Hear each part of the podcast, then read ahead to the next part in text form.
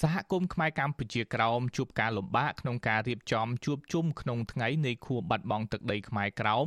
ក្នុងពេលនៃវិបត្តិជំងឺ Covid-19 ប៉ុន្តែសហគមន៍បានលើកយកបញ្ហាខ្មែរក្រោម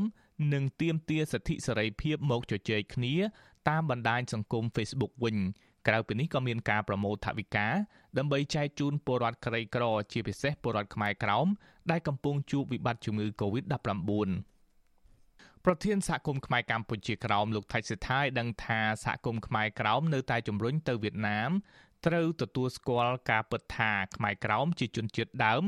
និងជាម្ចាស់ស្រុក លោកស្នើទៅខ្មែរក្រោមរស់នៅតាមប្រទេសនានា និងខ្មែរកណ្ដាលផងដែរត្រូវរួមគ្នាជាសម្លេងមួយទាមទារឲ្យរដ្ឋាភិបាលគោរពសិទ្ធិជនជាតិដើមដោយដែលវៀតណាមបានផ្ដល់សច្ចាប័នទៅអង្គការសហប្រជាជាតិកន្លងទៅ ឬអង្គការអន្តរជាតិនានាហ្នឹងយើងតែងតែជំរុញដល់ស្ថាប័នអន្តរជាតិអង្គការអន្តរជាតិផ្សេងៗឲ្យយួនទៅតែទទួលស្គាល់នៃប្រវត្តិសាស្ត្រពិតជាពិសេសគឺខ្មែរនៅទីនោះជាពិតជាជនជាតិដើមនៃអ្នកកសាងទឹកដីនោះពិតប្រាកដមែនយួនមិនអាចគេចចេញពីការទទួលខុសត្រូវនឹងបាន លោកថៃសិដ្ឋាយដឹងទៀតថាត្បិតការរំលឹកខួបនេះត្រូវធ្វើនៅថ្ងៃទី4ខែមិថុនាក្តីប្រសិនបើនៅថ្ងៃទី27ខែមិថុនាខាងមុខស្ថានភាពជំងឺ Covid-19 ចុះថមថយ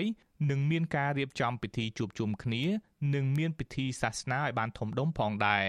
ក្នុងថ្ងៃនៃខួបបាត់បង់ទឹកដីនេះដែរអ្នកប្រើប្រាស់បណ្ដាញសង្គម Facebook មួយចំនួនបានបដូររូប profile របស់ខ្លួនដាក់រូបសញ្ញាកាន់ទុកនិងដាក់ទង់ជាតិខ្មែរកម្ពុជាក្រោម និងរៀបរាប់ការឈឺចាប់នៃការបាត់បង់ទឹកដីខ្មែរក្រោមអ្នកផ្សេងទៀតក៏បានបង្ហោះចម្រៀងបង្ហាញពីការលះបង់ជីវិតរបស់លោកអុកញ៉ាសឿនគុយដែលជាការបដូរមកវិញនៅសិទ្ធិសេរីភាពជូនពលរដ្ឋខ្មែរក្រោមចំណែកសហព័ន្ធខ្មែរកម្ពុជាក្រោមដែលមានមូលដ្ឋាននៅសហរដ្ឋអាមេរិកវិញក៏នឹងជួបជុំគ្នាធ្វើពិធីបាត់បង់ទឹកដីនេះដែរសាខាសហព័ន្ធនឹងធ្វើពិធីនេះនៅតាមរដ្ឋនីមួយៗ មន្ត្រីសហព័ន្ធលើកឡើងថាចាប់តាំងពីវៀតណាមត្រួតត្រាទឹកដីខ្មែរក្រោមមកវៀតណាមមានមហិច្ឆតាបំបត្តិអត្តសញ្ញាណខ្មែរក្រោមរួមមានការប្រែឈ្មោះពីខេត្តខ្មែរទៅជាភាសាវៀតណាម បំបត្តិវប្បធម៌ប្រពៃណីអក្សរសាស្ត្រនិងសិទ្ធិជាជនជាតិដើមកំណើតជាដើម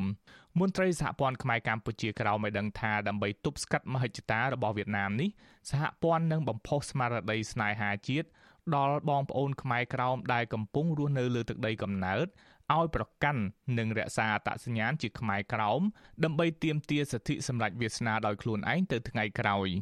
កម្ពុជាបានបាត់បង់ទឹកដីខ្មែរកម្ពុជាក្រោមដែលមានខេត្តចំនួន21កាលពីឆ្នាំ1949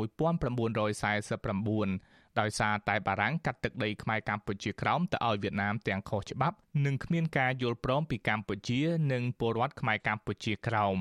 ទោះបីជាយ៉ាងណាមកទល់ពីនេះរដ្ឋាភិបាលលោកហ៊ុនសែនបានចាត់ទុកទឹកដីខ្មែរមួយនេះជារបស់វៀតណាមទៅហើយជាងនេះទៅទៀតរដ្ឋាភិបាលលោកហ៊ុនសែនក៏មិនដែលបង្ហាញការឈឺឆ្អាលពីទុកលំបាកខ្មែរក្រោមដែលត្រូវអាជ្ញាធរវៀតណាមជិះជាន់ឬធ្វើទុកបុកម្នេញនោះដែរមន្ត្រីនាំពាក្យរដ្ឋាភិបាលលោកផៃស៊ីផានលើកឡើងថាពេលនេះរដ្ឋាភិបាលកម្ពុជាមិនអាចទៅលូកលាន់លើបញ្ហាខ្មែរក្រោមបានទេ ព្រោះកម្ពុជាក្រោមស្ថិតនៅលើដែនដីអធិបតេយ្យភាពរបស់វៀតណាមទោះបីជាយ៉ាងណាលោកថាសហគមន៍ខ្មែរកម្ពុជាក្រោមនៅកម្ពុជាឬតាមប្រទេសនីមួយៗមានសិទ្ធិបើកវិទ្យុទូរទស្សន៍និងធ្វើការទៀមទាសិទ្ធិរបស់ខ្លួននៅលើឆាកអន្តរជាតិនិងនៅលើអង្គការសហប្រជាជាតិ ការប្រវត្តិសាស្ត្រហ្នឹងវាយើងនាំគ្នាមើលប្រវត្តិសាស្ត្រវិញយើងយល់មិនបាច់សំបញ្យល់ទេវាអត់មានពាក់ព័ន្ធជាមួយនឹងរាជរដ្ឋាភិបាលកម្ពុជាទេពីព្រោះដីនៅកម្ពុជាក្រមតាំងពីបន្ទាប់អាណានិគមដើរចេញមកជាដីរបស់វាបកគលឲ្យទៅវៀតណាមបាត់ហើយហ្នឹង ប្រតិកម្មតបទៅនឹងមន្ត្រីនាំពាក្យរដ្ឋាភិបាលនេះពលរដ្ឋខ្មែរក្រោមលោកថៃគឿងដែលកំពុងរស់នៅក្រោមការត្រួតត្រារបស់វៀតណាមនៅខេត្តព្រះត្រពាំងថាលោកសោកស្ដាយចំពោះចំហបែបនេះរបស់រដ្ឋាភិបាលកម្ពុជាយុវជនខ្មែរក្រោមរូបនេះឲ្យដឹងទៀតថាក្នុងថ្ងៃរំលឹកខួបបាត់បង់ទឹកដីខ្មែរក្រោមនៅថ្ងៃទី4ខែមិថុនានេះលោកបានបង្ហោះរូបទង់ជាតិនិងដែនដីខ្មែរក្រោមតាមបណ្ដាញសង្គម Facebook ប៉ុន្តែត្រូវបានអាជ្ញាធរវៀតណាមបញ្ជាឲ្យលុបចោល និងប្រមានថាពួកគេនឹងទៅសួរនាំលោកដល់កន្លែងស្នាក់នៅ នៅថ្ងៃទី6ខែមិថុនាគ្មានអ្វីគួរឲ្យខុសណាប៉ុន្តែយើងបង្ហោះវីដេអូយើងមានអីគួរឲ្យខុសមានពាក់ព័ន្ធណាបិណ្ឌវាថាវីដេអូនឹងវាពាក់ព័ន្ធដល់ថ្ងៃនេះគឺថ្ងៃនេះក៏ตั้งខែសំខាន់របស់ខ្មែរមិនអោយបង្ហោះអ្វីឡើងទេវិញអញ្ចឹងណាស្អែកនឹងពេលវេលាម៉ោង10កន្លះនឹងមកមិនដល់ពេលចូលមកបន្ទប់ព្រោះនឹងមាន